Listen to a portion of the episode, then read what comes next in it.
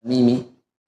Jenis-jenis ibadah yang telah kita pelajari adalah ad-du'a wal khauf, ar-raja, wat tawakkul, war raghba, rahba, wal khusyu, kemudian al khasyah, inabah, isti'anah dan isti'adah.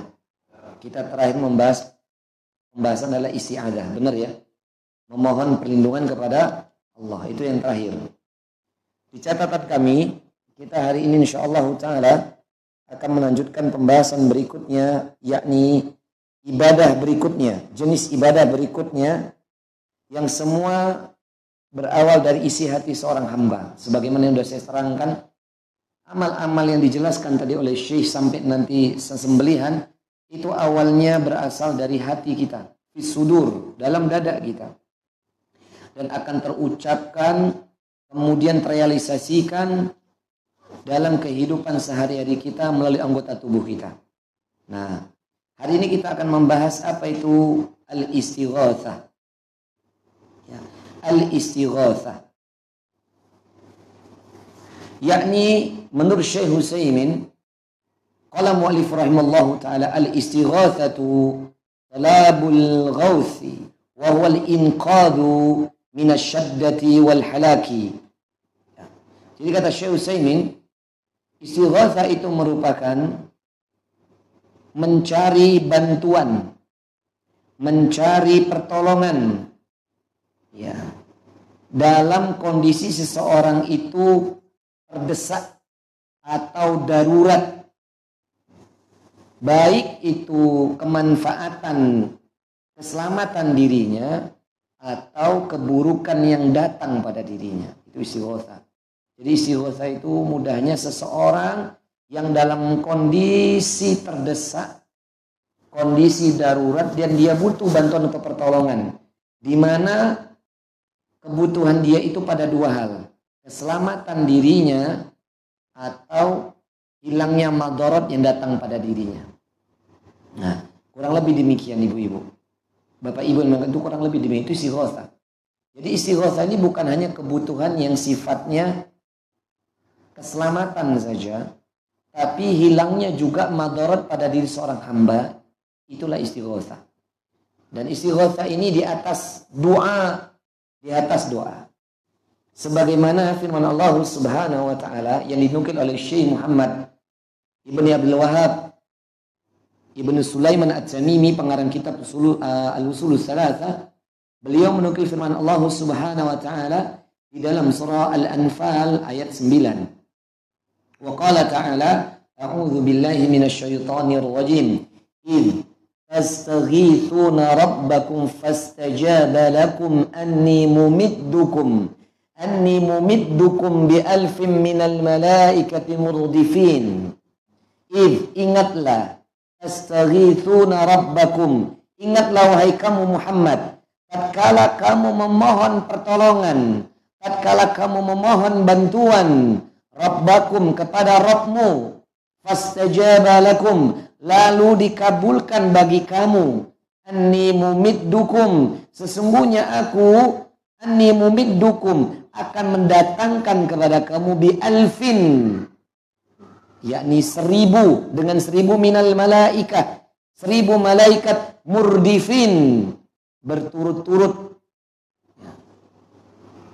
Ini kalau diartikan perkata ya jadi Nabi ini diterangkan oleh Allah Ta'ala. Nabi ini diterangkan oleh Allah Ta'ala pernah beristighatsah. Memohon pertolongan kepada Allah Jalla Jalaluh. Memohon keselamatan dari Allah Jalla Jalaluh.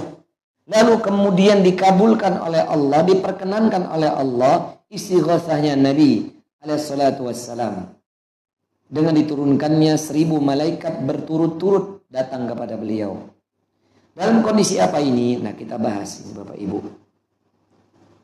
Sebenarnya dikisahkan ini di dalam ini saya buka juga tafsir Imam Ibnu Katsir juga di dalam syarah uh, uh, kitab salah satu usul ini uh, sementara ini kita akan bahas dulu ternyata Syekh membagi beberapa poin terhadap istighosa karena kajian kita hanya sebulan sekali maka saya akan mengambil hal yang penting saja. Jadi istighatha ini adalah al-istighatsatu billah azza wa jalla wa hadha min afdalil a'mali wa akmaliha wa huwa wa huwa dabba da'abbar rasuli wa atabahuhum wa, wa atba'uhum. Ya. Jadi istighatha di poin yang pertama adalah istighatha kepada Allah ini adalah termasuk amal yang paling mulia, paling utama dan paling sempurna yang pernah dilakukan Nabi Shallallahu Alaihi Wasallam wa. Kemudian boleh dikerjakan atau kita contoh. Jadi dikerjakan juga oleh para orang-orang setelahnya. Jadi di istighosa ini bukan bukan hanya dikerjakan oleh Nabi saja, juga boleh dikerjakan oleh umat-umatnya. Nah, ini terjadi وكان ذلك في fi بدر Badar hina النبي Nabi sallallahu alaihi wasallam إلى المشتريين في ألف alfin rajul wa ashabi 300 wa bid'atun wa bid'atin asyra rajulan fadakhala ar-Quraishi yunashadu rabbih azza wa jalla rafi'an mustaqbala al-qiblatu jadi ceritanya Bu ini adalah saat malam perang Badar. Ini belum pernah saya terangkan ya di sini sih belum ya jadi istighosa ini Rasulullah mengerjakannya saat perang Badar. Gini loh Bu, perang Badar ini kan terjadi di bulan Ramadan. Ya. Di mana tentara kafir Quraisy berjumlah 1.300 pasukan itu datang ya mau menghabisi kaum muslimin Rasul dan kaum muslimin di Madinah Al Munawwarah di Madinah Al Nawawiyah datang Terus sebelum mereka sampai ke Madinah, karena perjalanan itu kan enam hari enam malam. Ibu-ibu harusnya masih ingat tuh. Kita kemarin baru bahas eh, apa namanya? Sirah Nabi Rasulullah hijrah kan, nyambung berarti. Walaupun perang Badar itu nanti kita akan bahas. Baik. Maksudnya nanti itu di sirah, ini kita jelaskan dulu. Enam hari enam malam itu kabar sampai kepada Nabi, Allah Ta'ala memerintahkan untuk Nabi keluar dari Madinah. Tujuannya adalah untuk menyelamatkan nyawa kaum muslimin yang banyak anak banyak anak kecil, orang tua, wanita-wanita. Jadi Nabi keluar. Berarti memulai perang yang mengajak perang itu Nabi atau mereka, Bu? Siapa, Bu? Kafir atau orang para sahabat? Rasulullah para sahabat atau orang kafir? Kafir. Maka ada tuduhan keji dari mereka yang benci terhadap agama Allah yang mulia ini. Islam ditegakkan dengan pedang. Siapa yang ngomong? Islam itu ditegakkan dengan tauhid. Itu tujuan keji. Nabi nggak pernah memulai perang. Mereka yang mengajak perang duluan. Mereka yang mencederai perjanjian. Maka Nabi Wasallam harus keluar membawa kurang lebih 313 pasukan. Nah, di pertengahan jalan tersebut, Nabi sampailah di lembah Badar. Nah, ini dia bu. Asbabul nuzulnya itu gitu. Nabi sampai di lembah Badar, pada saat itu menjelang buka puasa. Jadi Nabi berhenti sebelum maghrib. Nabi dan para sahabat buka puasa. Ibu bisa bayangkan itu. Ibu-ibu yang pernah ke Tanah Suci pernah ke Badar belum? Pernah ke Lembah Badar belum? Belum. Minta sama Allah supaya bisa berangkat ke sana. Sama Solahuddin. Minta ajak ke Lembah Badar. Insya Allah ya. Nah sampai di Lembah Badar, istirahat, sholat buka puasa, sholat maghrib, dan kemudian sholat isya. Nah, ketika habis sholat isya, di malam hari itu turun hujan deras. Malam bulan Ramadan, turun hujan deras. Waktunya mustajab banget ini. Sudah bulannya bulan penuh ampunan, penuh doa-doa yang dikabulkan, ditambah lagi hujan. Kayak hari Jumat kemarin. Kayaknya ada yang hujan ya di sini ya. Cuma hujan nggak di Banyumanik? Oh enggak deh yang hujan di Mekah yang sudah laporan teman itu kemarin kan lagi umroh dia. Di, di, di sini salah ya? Mekah. Habis asar. Udah di, di Masjidil Haram ba'dal asar hari Jumat hujan pula. Nah, double double itu dah. Ya. Betul nggak bu? Tempatnya mulia waktunya mulia kondisinya mulia turun hujan. Wes doanya sebanyak banyaknya itu. Saya bilang mas itu ada tiga keutamaan, akhi. Doa. Ya saat ini mau dirapal doanya, Masya Allah. Enak banget ya, hujan di Mekah. Masya Allah. Nah ini malam itu hujan deras. Memang sengaja Allah Ta'ala buat hujan itu turun. Kenapa? Karena sahabat lelah lagi puasa, nggak membatalkan puasa. Diturunkan hujan. Salah satu hikmah para ulama menjelaskan hujan itu diturunkan oleh Allah pertama rahmat. Yang kedua adalah supaya sahabat itu beristirahat dengan pulas di malam hari itu. Karena mereka membangun tenda-tenda. Kemudian istirahat para sahabat. Lah Nabi itu nggak bisa tidur. Gimana mau tidur? Wong sebelumnya Nabi Alaihissalam itu mendapatkan kabar ada 1.300 pasukan. Satu. Sebelumnya lagi uh, diceritakan dari hadis yang lainnya ada uh, sekelompok jin datang gitu kan. Jadi pimpinannya kepala sukunya dulu pertama kali masuk Islam gara-gara mendengar Nabi SAW itu men, uh, membacakan Al-Quran. Ibu harus ingat loh, kita tuh udah lewat itu siroh itu. Nabi baca Quran ada jin yang mendengar. Pernah nggak saya sampaikan? Ya tuh. tuh kalau nggak diingatkan ibu lupa.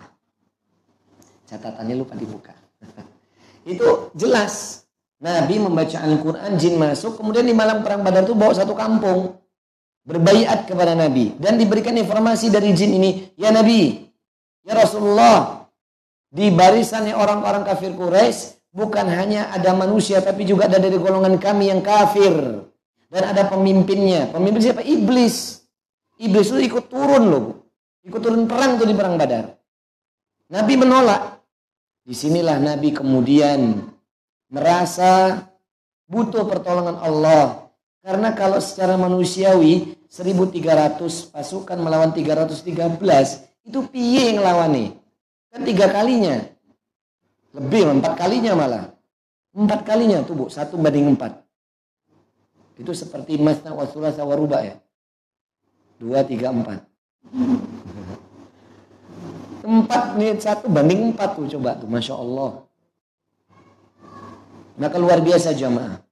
Nabi kemudian di tengah malam bangun melaksanakan salat dua rakaat lalu Nabi alaihi salatu wassalam setelah salat berdoa nih saya bacakan dalam tafsir Imam Ibnu Katsir qala al imam Imam Ahmad qala al imam Ahmad حدثنا أبو نوح قراد حدثنا إكرمة بن عمرو حدثنا سماك عن حنافي أبو زمير أبو زام الزمير حدثني ابن عباس حدثني عمر بن الخطاب عمر بن الخطاب radhiyallahu taala anhu. Nah, jadi ini jalur jalur hadisnya Imam Ahmad bin Hambal yang meriwayatkannya. Kemudian di sini juga diceritakan ada juga dari Imam Muslim dari sahabat Abdullah bin Abbas atau dari sahabat Umar ibn al-Khattab. Apa kata mereka? Lamma kana yaumu badarin. Yaumu badrin. Tatkala keberadaan kami di perang badar. Di hari badar. Nadharan Nabi sallallahu alaihi wasallam ila ashabihi. Nabi melihat kepada para sahabat. Wahum salatu, salatu mi'atin wa nayif. Wa nayif. Berjumlah sebanyak 300 300 pasukan lebih. Wa nadharu ilal musyrikina fa idahum alfun wa ziyadatun. Lalu Nabi juga mengetahui jumlah pasukan musyrik itu berjumlah 1300-an lebih. Fastaqbalan Nabi sallallahu alaihi wasallam al-kiblata thumma madda yadayhi. Nah, diceritakan dalam tafsir Imam Ibnu Katsir, Bu. Ini sama seperti di sini. Saya saya gabung ini. Biar lebih heroik ini kisahnya. Ya. Karena nggak ada kisah yang lebih heroik melainkan kisah Nabi. Wiro sableng sono popone. Joko jenenge Joko Sembung, Joko Tarup apa meneh Arya Kamandanu, Brahma Kumbara itu itu dengaran ibu dulu radio tuh Bu Brahma Kumbara tuh. Apalagi zaman dulu tuh. Pedang Naga Puspa. Set. Oh, nah, anak mbak-mbaknya belum tahu itu. Zaman dulu tuh loh, Bu. Aku kok tua banget tuh. Kayaknya aku masih muda loh. Ya tuh gini Bu ya. Pedang naga puspa dulu nontonnya itu di layar tancap itu loh bu. Wah bohong-bohongan kabeh wis. Serono wis. Apalagi sekarang untuk Avengers Avengers Serono wis. Bohong semuanya. Nah, ini kisah yang heroik ini luar biasa. Nabi melihat jumlah pasukannya 300. Bahkan dalam riwayat dalam kitab Sayyid Rahman nanti kita bahas jumlahnya 313. Pasukan kafir 1300. Waziyadat bahkan Nabi fastaqbalan Nabi Nabi lalu Nabi sallallahu alaihi wasallam menghadapkan wajahnya ke kiblat di malam hari. Tsumma dayadaihi. Kemudian Nabi yakni wa alaihi ridauhu wa izarahu. Lalu Nabi SAW mengenadahkan tangannya ke atas langit sampai ridaknya terjatuh. Bu, kalau orang cuma berdoa begini, cuma berdoa sejajar di atas, uh, sejajar dengan apa nama ini, dadanya, dada kita, kira-kira ridak itu jatuh nggak? Selendang itu jatuh nggak? Ridak itu imamahnya Nabi, jatuh nggak? Enggak. Kecuali kalau begini nih. Nih. Kalau begini posisinya, kalau begini posisinya, insya Allah Taala ridak itu pasti jatuh. Ya. Nah ini jadinya kaifiat beristighosa. Istighosa tanpaan. Paham ya? Istighosa tanpaan. Kalau pakaian istighosa nan. Nah, ini tanpaan. Nah, ini istighosa yang benar begini nih. Dengan Nabi Wasallam menengadakan tangannya ke atas langit. Begini. Sampai ridaknya jatuh. Ini seperti Nabi SAW juga dalam riwayat. Tatkala di atas bukit Sofa dan Marwah.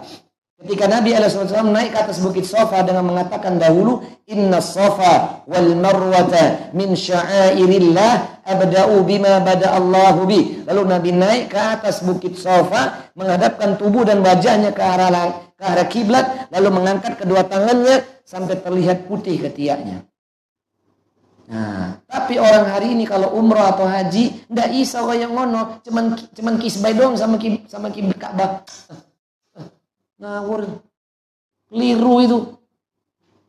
Itu banyak saya itu kaum muslimin. Lewatin bukit sofa cuman bismillah akbar bismillah akbar bismillah akbar berhenti berdoa.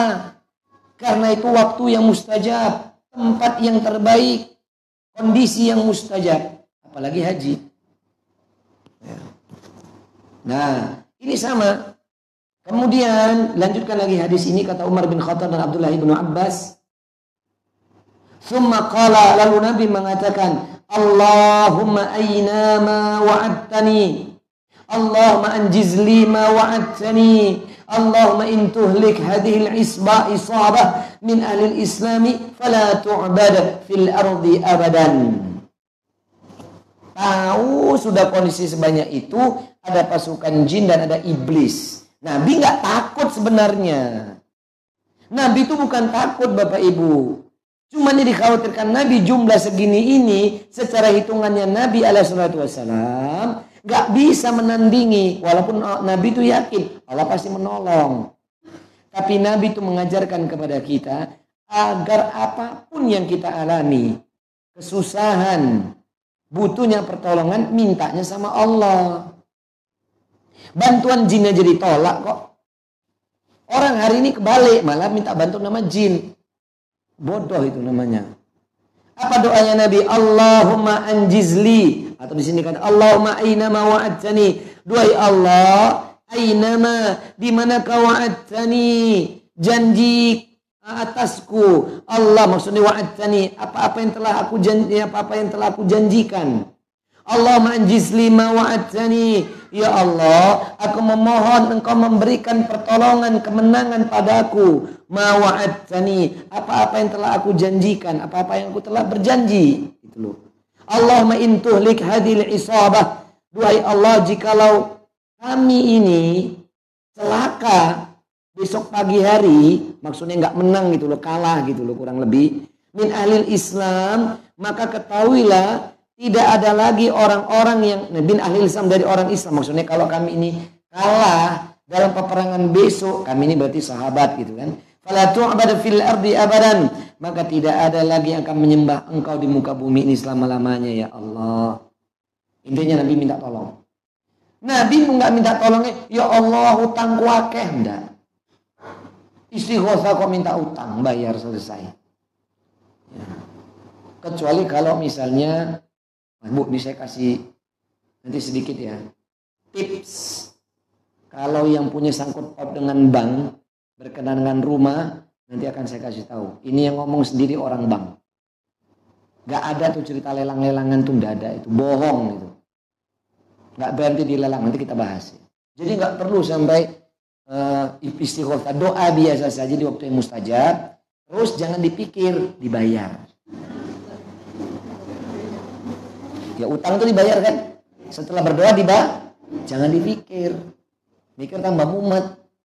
Dibayar. Nah, ini Nabi Shallallahu Alaihi Wasallam nggak minta dunia untuk kebaikan dirinya, tapi Nabi memohon pertolongan kepada Allah Jalla Jalalu atas apa-apa dima yakni janjinya Nabi kepada Allah. Allah Taala punya janji yakni menegak ya kita tahulah bahwasanya Allah Taala akan memenangkan agama ini. Maka Allah Taala Nabi memohon kepada Allah Taala agar dihilangkan musibah atau kekalahan kelak di besok hari dari penduduk atau pemeluk Islam.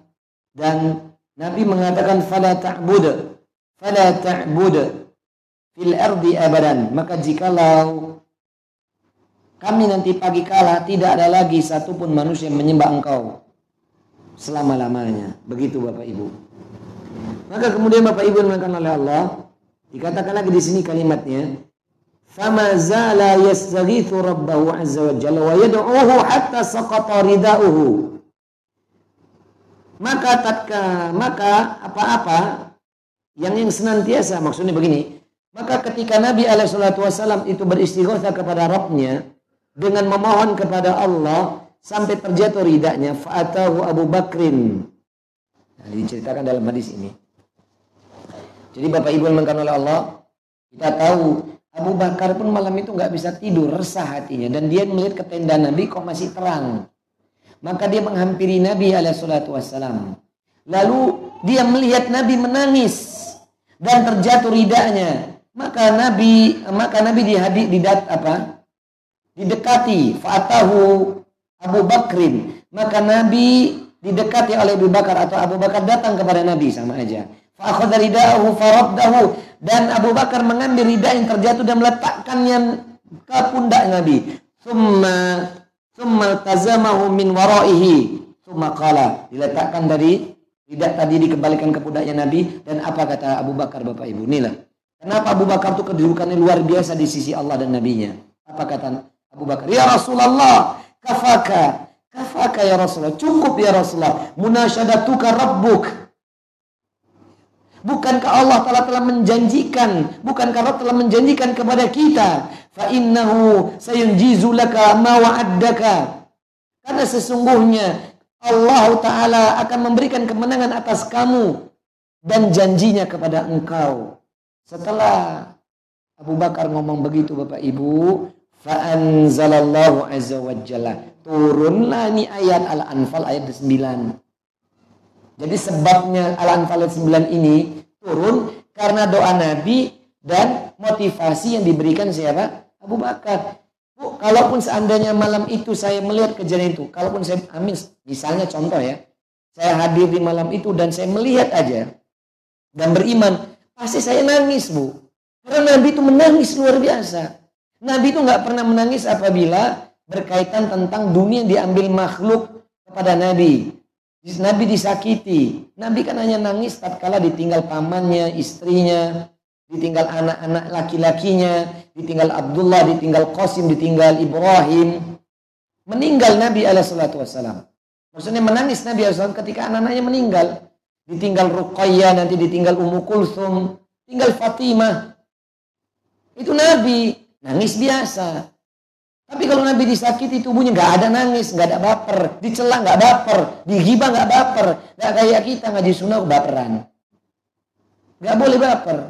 Maka Nabi menangis, Abu Bakar nggak kuat, diberi motivasi ya Rasulullah. Kafaka munasyadutuka rabbak. Cukup ya Nabi, cukup. Bukankah Allah Ta'ala telah berjanji kepada engkau karena sesungguhnya engkau akan mengalami kemenangan atas apa-apa yang telah Allah terjanjikan kepada engkau wahai Nabi. Maka turunlah ini ayat ini. Tastaghithuna rabbakum fastajaba lakum anni mumiddukum bi alfin minal malaikati murdifin. Ingatlah wahai Muhammad ketika kamu jadi Jibril turun. Ketika kamu tadi itu memohon beristighosa kepada Rabbmu, maka diperkenankan doamu Ani sesungguhnya aku kata Allah besok pagi akan mendatangkan kepada kalian seribu malaikat yang turun berturut-turut. Nanti dalam hadis berikutnya, masya Allah ya, hadis berikutnya besok paginya turunlah pasukan putih ya. Jadi pasukan memakai pakaian putih membawa pedang turun dari langit bu. Ini bukan film kartun. Ini tenanan ini turun set bawa pedang gini. Ketika malaikat itu turun, iblis itu bisa lihat masalahnya. Iblis itu kan bisa melihat malaikat. Kenapa? Karena iblis itu ya dia kan dulu sempat dialog jadi pokoknya Tazizul ini bisa melihat lah ketika dia nanti ceritanya beda lagi kalau saya cerita jadi siron nanti jadinya wis tak berhenti ibu kalau siron tak cerita semua nanti kebuka siron nabinya tak simpen ini soalnya biar ibu datang rebu ya nah, turun malaikat turun dengan jumlahnya seribu iblis lari terbirit-birit sak pasukan nih lari dia ibu ingat loh bu Iblis itu pernah berubah jadi kakek-kakek tua di ketika kejadian apa? Daruna dua. Ingat kan? Musyawarahnya tujuh kabilah Quraisy itu. Kita udah bahas tuh ya. Dia juga datang dalam perang Badar itu. Ada yang mengatakan dia berubah wujud menjadi laki-laki. Manusia. Ada yang mengatakan dia bentuknya ya bentuknya adalah seperti dirinya sendiri. Dia tidak dilihat oleh manusia. Tapi malaikat tahu ada dia. Ya larilah malaikat yang turun. Bodoh kalau iblis nggak lari. Karena iblis itu tahu dan dia tuh pengecut serta dia itu nggak berani lari. Alhamdulillah pasukan kafir Quraisy itu nggak bisa lihat. Nek bisa lihat bu, mending nenek lari atau bunuh diri mungkin kali. Utilah nen. Yang bisa lihat hanya Nabi. Maka ketika malaikat itu turun Nabi bisa melihat ya khalas. Gitu ya. Ini istighatsah. Dan ini adalah amal yang afdal dan amal yang paling sempurna. Jadi ibu-ibu, bapak-ibu yang makan oleh Allah, kalau kita punya masalah, kalau kita ini punya ujian, punya kebutuhan, doa-doa kita kok belum terkabulkan setiap waktu-waktu yang mustajab, doa biasa itu loh, maka beristighosa boleh, boleh.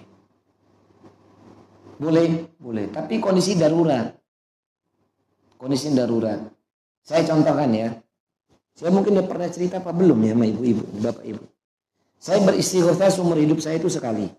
Kala ibu saya sakaratul maut. Istighosa saya. Di rumah sakit Hermina.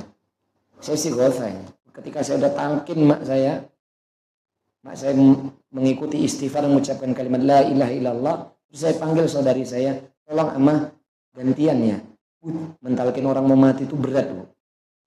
Fisiknya capek, psikisnya capek Gak tahu tiba-tiba saya diarahkan untuk udah ambil ambil wudhu istighfar. Akhirnya saya tinggal saya istighfar.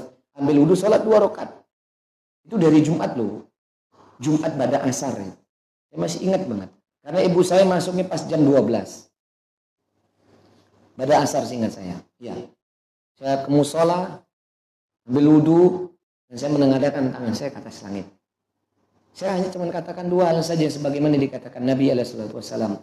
Ya Allah, Jikalau kehidupan itu baik buat ibuku ya Allah, maka sembuhkanlah dia ya Allah. Dan aku siap ya Allah akan ngurus ibuku walaupun aku harus tinggalkan dunia. Pekerjaan saya, dakwah saya akan ngurus ibu saya. Namun ya Allah apabila kematian itu lebih baik buat ibu saya, maka segerakanlah ya Allah. Terus saya istighosa bu. Pak, mengangkat tangan saya gini. Ya, itu yang saya lakukan. Udah nggak ada yang lain. Saya kondisi darurat ini. Itu yang saya lakukan. Dan ternyata Allah Ta'ala punya mau. Sebelum ibu saya kehilangan sadar, dia mengucapkan kalimat la ilaha illallah. Habis itu ibu udah gak sadar, anfal terus. Maka jamaah yang dilakukan oleh Allah Subhanahu wa taala ini perlu di masa-masa genting. Di masa-masa darurat. Ini adalah syariat. Gak bisa. Ibu mau keluarin uang 10 miliar. Mau mengeluarkan 100 triliun untuk menyelamatkan bahkan rumah sakitnya tak kukuis misalnya ngono. Orang iso. Karena bisa menolong adalah Allah Jalla Jalaluh. Dalam saya masih ingat hari Jumat itu, adalah asar. Dia langsung mengambil wudhu. Ber, bermunajat kepada Allah Jalla Jalaluh. Gak ada lagi yang bisa menolong saya. Siapa lagi yang bisa menolong? Dokter itu sudah balik kanan semua. Maksudnya mereka memunggungi ibu saya. Kok ingat banget bu? Di IGD itu ibu saya dipunggungin tuh. Wallah, saya kan curiga. Ini kenapa ibu saya dipunggungi? Kenapa dok? Saya bilang. Cerita saya bilang. Enggak Pak, ini kita sedang usahakan. Loh, kalau diusahakan harusnya kan di sekitar ibu saya. Terus ada seorang dokter wanita keluar berjilbab, nangis. Kenapa dok Anda menangis? Gak apa-apa, gak apa-apa. Wah ini curiga tau saya, terus tak pegang tuh. Kaki ibu saya saya pegang, waduh ini ibu saya sakartul maut ini. Tak talkin terus pada saat itu. Nah, akhirnya saya diarahkan oleh Allah, Alhamdulillah, untuk beristighosa. Ya mungkin itu adalah kesempatan terakhir yang bisa saya kerjakan. Alhamdulillah saya bisa mengerjakan istighosa untuk pertama kali seumur hidup saya hingga detik ini. Istighosa.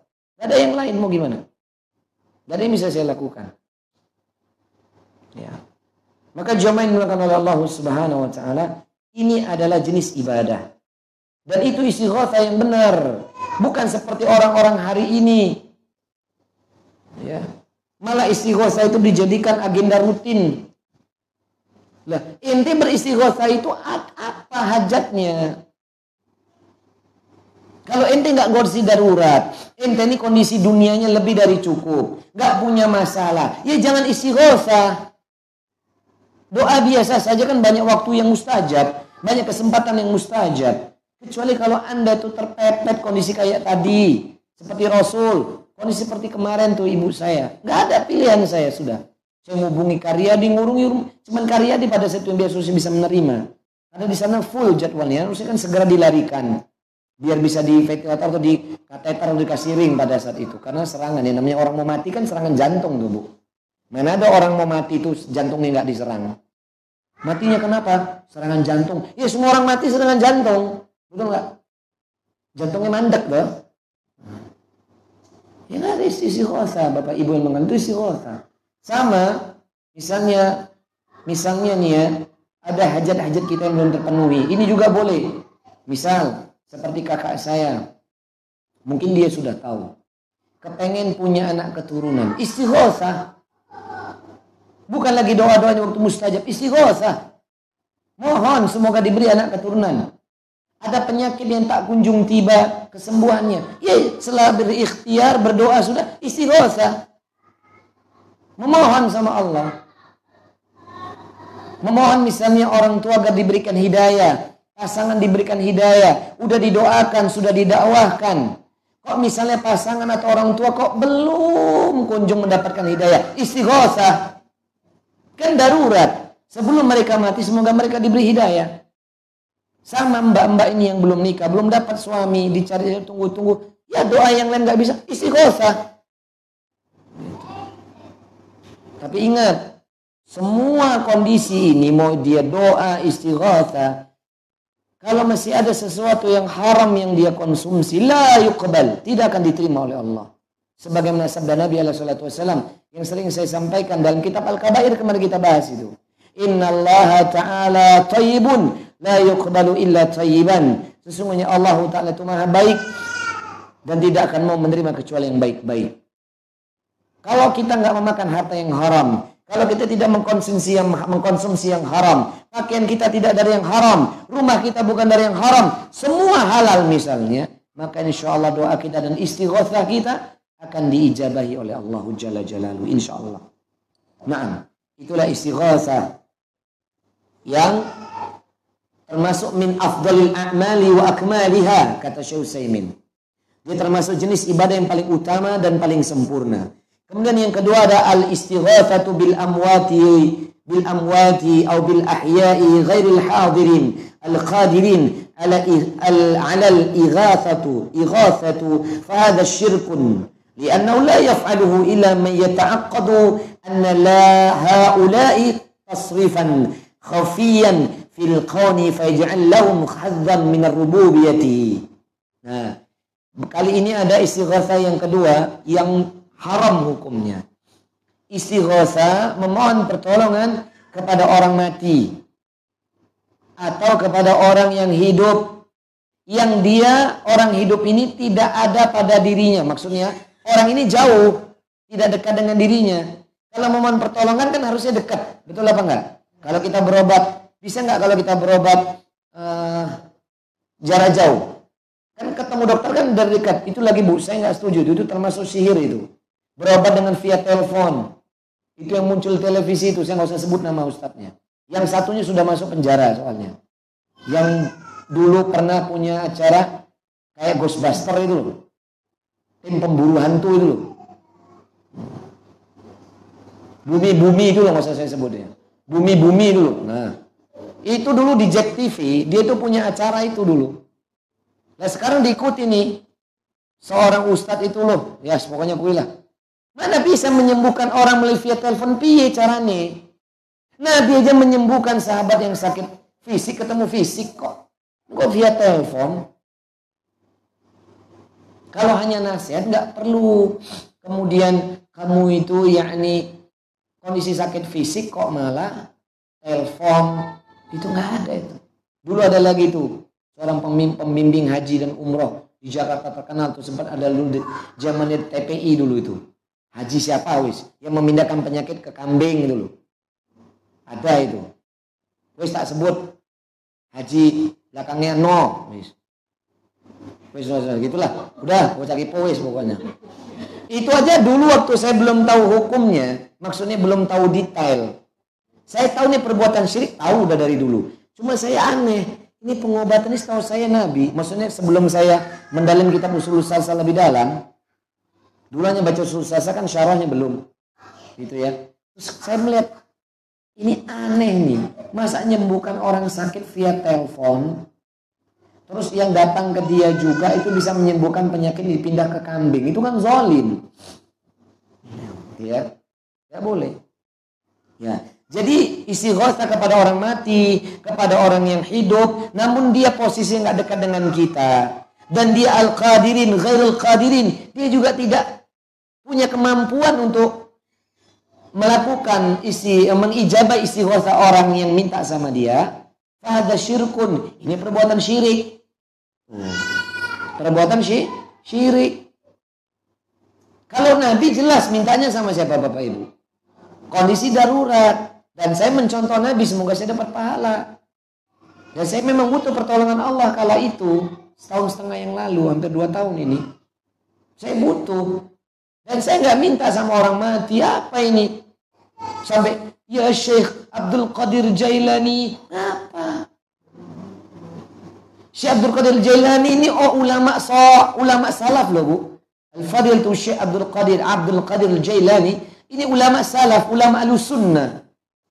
Dia ulama yang yang terzolimi menurut saya. Dibawa-bawa namanya. Coba kalau ibu yang pernah di situ. Kan sering mendengar uh, khususan ila ruhi Syekh Abdul Qadir Jailani. Betul nggak? Al-Baqarah. Misalnya contoh. Kepanjangan ya. Ya coba. Ini kan nggak pas. Ya Syekh Abdul saya minta Ya Sunan Kalijogo, ya Fulan, ya Sunan Muria, ya Sunan Bonang, ya Sunan Opo kape.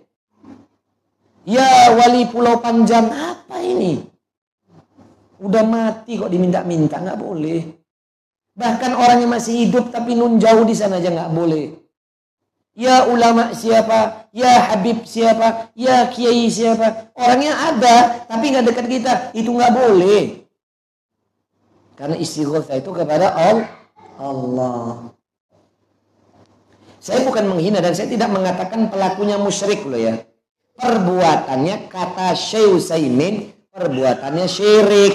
Orangnya belum tentu musyrik. Karena bisa jadi dia nggak tahu kalau perbuatan itu salah. Sebagaimana dulu kita pernah mengerjakannya. Ya kan? Pernah nggak bu dulu diantar jenengan pernah melakukan itu nggak? Pernah Ustadz. Amal rutin. Ya toh? Terus apa bodan? Ya. Dimaafkan. Mana nggak ngerti kok ya dimaafkan. Mau gimana? Itu nggak boleh ya. Itu juga di uh, dalil yang ditulis dituk, dituk, dinukil oleh Syekh Shalih ya. Ya la yaf'aluhu. Karena sesungguhnya itu nggak boleh dikerjakan kecuali mayatiqadu anna la haula'i tasrifan khafiyan fil kauni fayaj'alu lahum haddan fi min rububiyyatihi kalau Allah. Ya. Perbuatan itu nggak boleh dikerjakan kecuali siapa yang berkeyakinan bahwasannya mereka itu laha ulai benar-benar mereka itu tasrifan dapat mengubah ya tasrifan khafian mereka itu dapat menjawab segala permintaan tadi fil kauni di dalam kejadian fayaj'aluhum yang mereka jadikan atasnya dari rubi Allah kata apa maksudnya gini Bolehnya kita beristighosa. Ya, kecuali kita punya keyakinan orang tersebut bisa membantu kita dengan doanya bermunajat kepada Allah. Artinya kan minta bu, bukan beristighosa. Kecuali orang yang ini memiliki keyakinan, nih si fulan ini, ulama ini, doanya mustajab. Gitu kan. Guru kita, syekh kita tinggal di Masjidil Haram misalnya. Kita minta, syekh, minta dong bantuan doanya, doakan doa, hukum doa kamu. Maka syekh harusnya menjawab, kamu sudah berdoa belum? Sudah syekh. Ya kamu berdoa, saya berdoa. Semoga dikabulkan oleh Allah. Nah itu. Tapi kalau dia melakukan itu, meminta siapa? yang mengabulkan segala doa. Suara siapa itu? Suara anak-anak kita. Oh, enggak apa-apa. Bu, jangan dia apain anaknya, Bu. Oh, mainan. Untung anak saya empat-empatnya tak enggak tak bawa. Nek bawa makin rame nih ngisor itu ya. Siapakah yang senantiasa mengabulkan doa seorang hamba yang dalam kondisi sulit? Idza da'ahu apabila dia meminta kepada Allah. Wa yakshifu dan akan menyingkap atau menghilangkan asu segala kesulitan atau keburukan. Itu kan pertanyaan oleh Allah. Qadirin dan dia hadir. Telepon aja istri antum. Pakai telepon. Istri antum telepon so. Bukan tadi istri ya bu ini telepon siapa Enggak tahu. Baik. Saya ulang ini ya. Jadi istighosa yang ketiga adalah istighosa yang ditujukan kepada orang yang hidup, yang dia dekat dengannya, jelas keberadaannya, dan dia itu mampu mengabulkannya. Atas istighosa yang dia minta ini boleh. Misalnya istighosahnya yang diabadikan Allah, istighosahnya Nabi Musa alaihissalam dalam surah Al-Qasas ayat 15. Kepada sesuatu yang hidup yang ada di alam semesta ini yang dia bisa mengabulkan. Nah, ini boleh. Tapi ini bahaya juga Bu kalau ini misalnya nggak difahami dengan dalil, repot ini. Surah Al-Qasas ayat 15. Sudah dibuka? Ya. Ini kan kisahnya panjang, tapi diputus di sini oleh Syekh fastaghathu fastaghathahu alladhi min syi'atihi 'ala alladhi min aduwi min aduhi fawakazahu Musa faqada alaih. Ya. Jadi kita akan lengkapi itu kan potongan ayat. Sebenarnya ayat komplitnya itu di dalam satu satu ayat itu Bu. Ini terakhir Bu ya. Wadakhalal wadakhalal madinata ala hina ghaflatin Min syi'ati min min syi'ati min Musa Ya. Jadi dikatakan di sini Bapak Ibu yang oleh Allah Subhanahu wa taala dikatakan di sini bahwasannya dan tatkala dikatakan dan tatkala yakni siapa? Musa masuk ke dalam kota. Kota yang dimaksud di sini kota yang penduduknya sedang lengah. Hina ghaflatin sedang lengah. Maka dia mendapatkan di dalam kota tersebut yakni rajulaini yaqtatilani ada dua orang laki-laki yang sedang berkelahi. Hada min syi'ati yang seorang dari golongan Bani Israel dan seorang lagi dari kaum Fir'aun. Berarti Bani Israel itu penduduk bila di Syam. Kalau yang dari Fir'aun itu penduduk Mesir. Sedang bertarung. Alladhi min syi'ati. Lalu orang dari golongan itu memohon pertolongan kepadanya. Berarti siapa? Maksudnya orang yang dari bila di Syam. Ini kisah kisah Musa masih kecil, Bu. Ini kisah Musa pada saat itu masih ya sudah bukan masih remaja atau dewasa, maaf. Kondisinya pada saat itu remaja atau dewasa. Nah, jadi seseorang dari golongan itu adalah minta tolong ya. Orang yang dari golongannya maksudnya golongan bila di Syam itu minta tolong kepadanya untuk mengalahkan orang dari pihak musuhnya. Lalu kemudian apa yang dilakukannya? Fawakazahu Musa faqada alaih lalu Musa menonjok itu orangnya. Sampai kemudian orang yang ditonjok tadi itu mah mati. Ya. Qala hadza min amali syaitan. Lalu isi Musa alaihi mengatakan Ini sesungguhnya perbuatan syaitan. Ya. Innahu adum mudillum mubin. Sesungguhnya syaitan adalah musuh yang nyata. Jadi ibu-ibu, yang beristighosah berarti, berarti di sini siapa? Nabi Musa atau kaumnya? Musa atau kaumnya? Kaumnya, pengikutnya ini loh dari Bani Israel. Yang dia apa? Fastaghathahu. Hu ini adalah domir satu eh, kalimat berarti dari satu dari satu orang di antara dua orang berkelahi tadi. Alladhi min syi'ati itu tadi kan. Yang dia memohon pertolongan kepada Musa alaihissalatu wassalam tuh. Jadi istighosa ini boleh, boleh. Karena kondisinya genting. Tapi istighosanya orang ini tidak seperti istighosanya Nabi mengangkat tangan begini. Enggak. Istighosanya ini kan lagi tarung, dia mau kalah nih. Tolong dong Musa, tolong dong Musa. Lah Musa yang disuruh jotos ya mati orangnya. Jotos mati. Nek saya yang jotos ya nggak mati. Apalagi jotos sayang. Nah, hamba cinta tuh istri. Ya, ya. Nah. Maka jamaah yang oleh Allah Subhanahu wa taala beda kalau istighosah yang dimaksud di sini istighosahnya seseorang kepada orang itu karena mohon pertolongan. Intinya istighosah itu memohon pertolongan dan bantuan dan dia tidak berdoa. Dia Musa tolong aku, Musa tolong aku. Itu itu boleh. Nah, untuk juga kalau misalnya istighosah yang dilakukan power of mak-mak. Kala ada mak-mak yang di jamret Tolong, tolong. Maling, maling. Itu istighosa itu. Loh, itu istighosa namanya. Boleh nggak? Boleh. Tolong mas, mas, tolong mas. Putih aku, kata mas malah. Istighosanya keliru sama mas Gue kelewang soalnya. Kalau saya jumlah orang kayak itu, tak balang batu. Bu. Kenapa mau ditakut tuh? Balang batu. Kalau motor bisa tangkat, tak angkat motornya. Motor nggak bisa diangkat masalahnya. Ya. Dia dibalang, mau dia dolim kok. Kadang penting juga tuh di mobil tuh bawa inggis itu penting juga itu. Ya. Untuk apa? Wih macam-macam tinggal dibalang lah wis. Nek maling gitu kan. Semoga nggak ketemu ya jemaah. Nggak ketemu maling lah. Kan kasihan mak itu istighosa tuh mak-mak kalau di pasar pernah jamret. Tolong maling, maling, maling gitu kan. Tolong pak, tolong. Itu istighosa namanya. Tapi jangan pula Lama maksudnya istighosahnya keliru. Udah kondisi begitu, malah dadak ambil wudhu, sholat dua rakaat, menengadakan tangan kasih. Itu keliru itu istighosahnya. Maling tekan keliru. Ya. Itu namanya istighosah yang bukan pada tempatnya. Gitu ya. Mungkin ini dulu Bapak Ibu. Insya Allah ta'ala kita akan lanjutkan lagi besok dalil tentang adalah adzabuhu ya adzabuhu yakni sesembelihan InsyaAllah ta'ala demikian. Sudah jam 9 seperempat. Saya, oh boleh. Wallahu ta'ala. Silakan Bu. Ah. Assalamualaikum warahmatullahi wabarakatuh.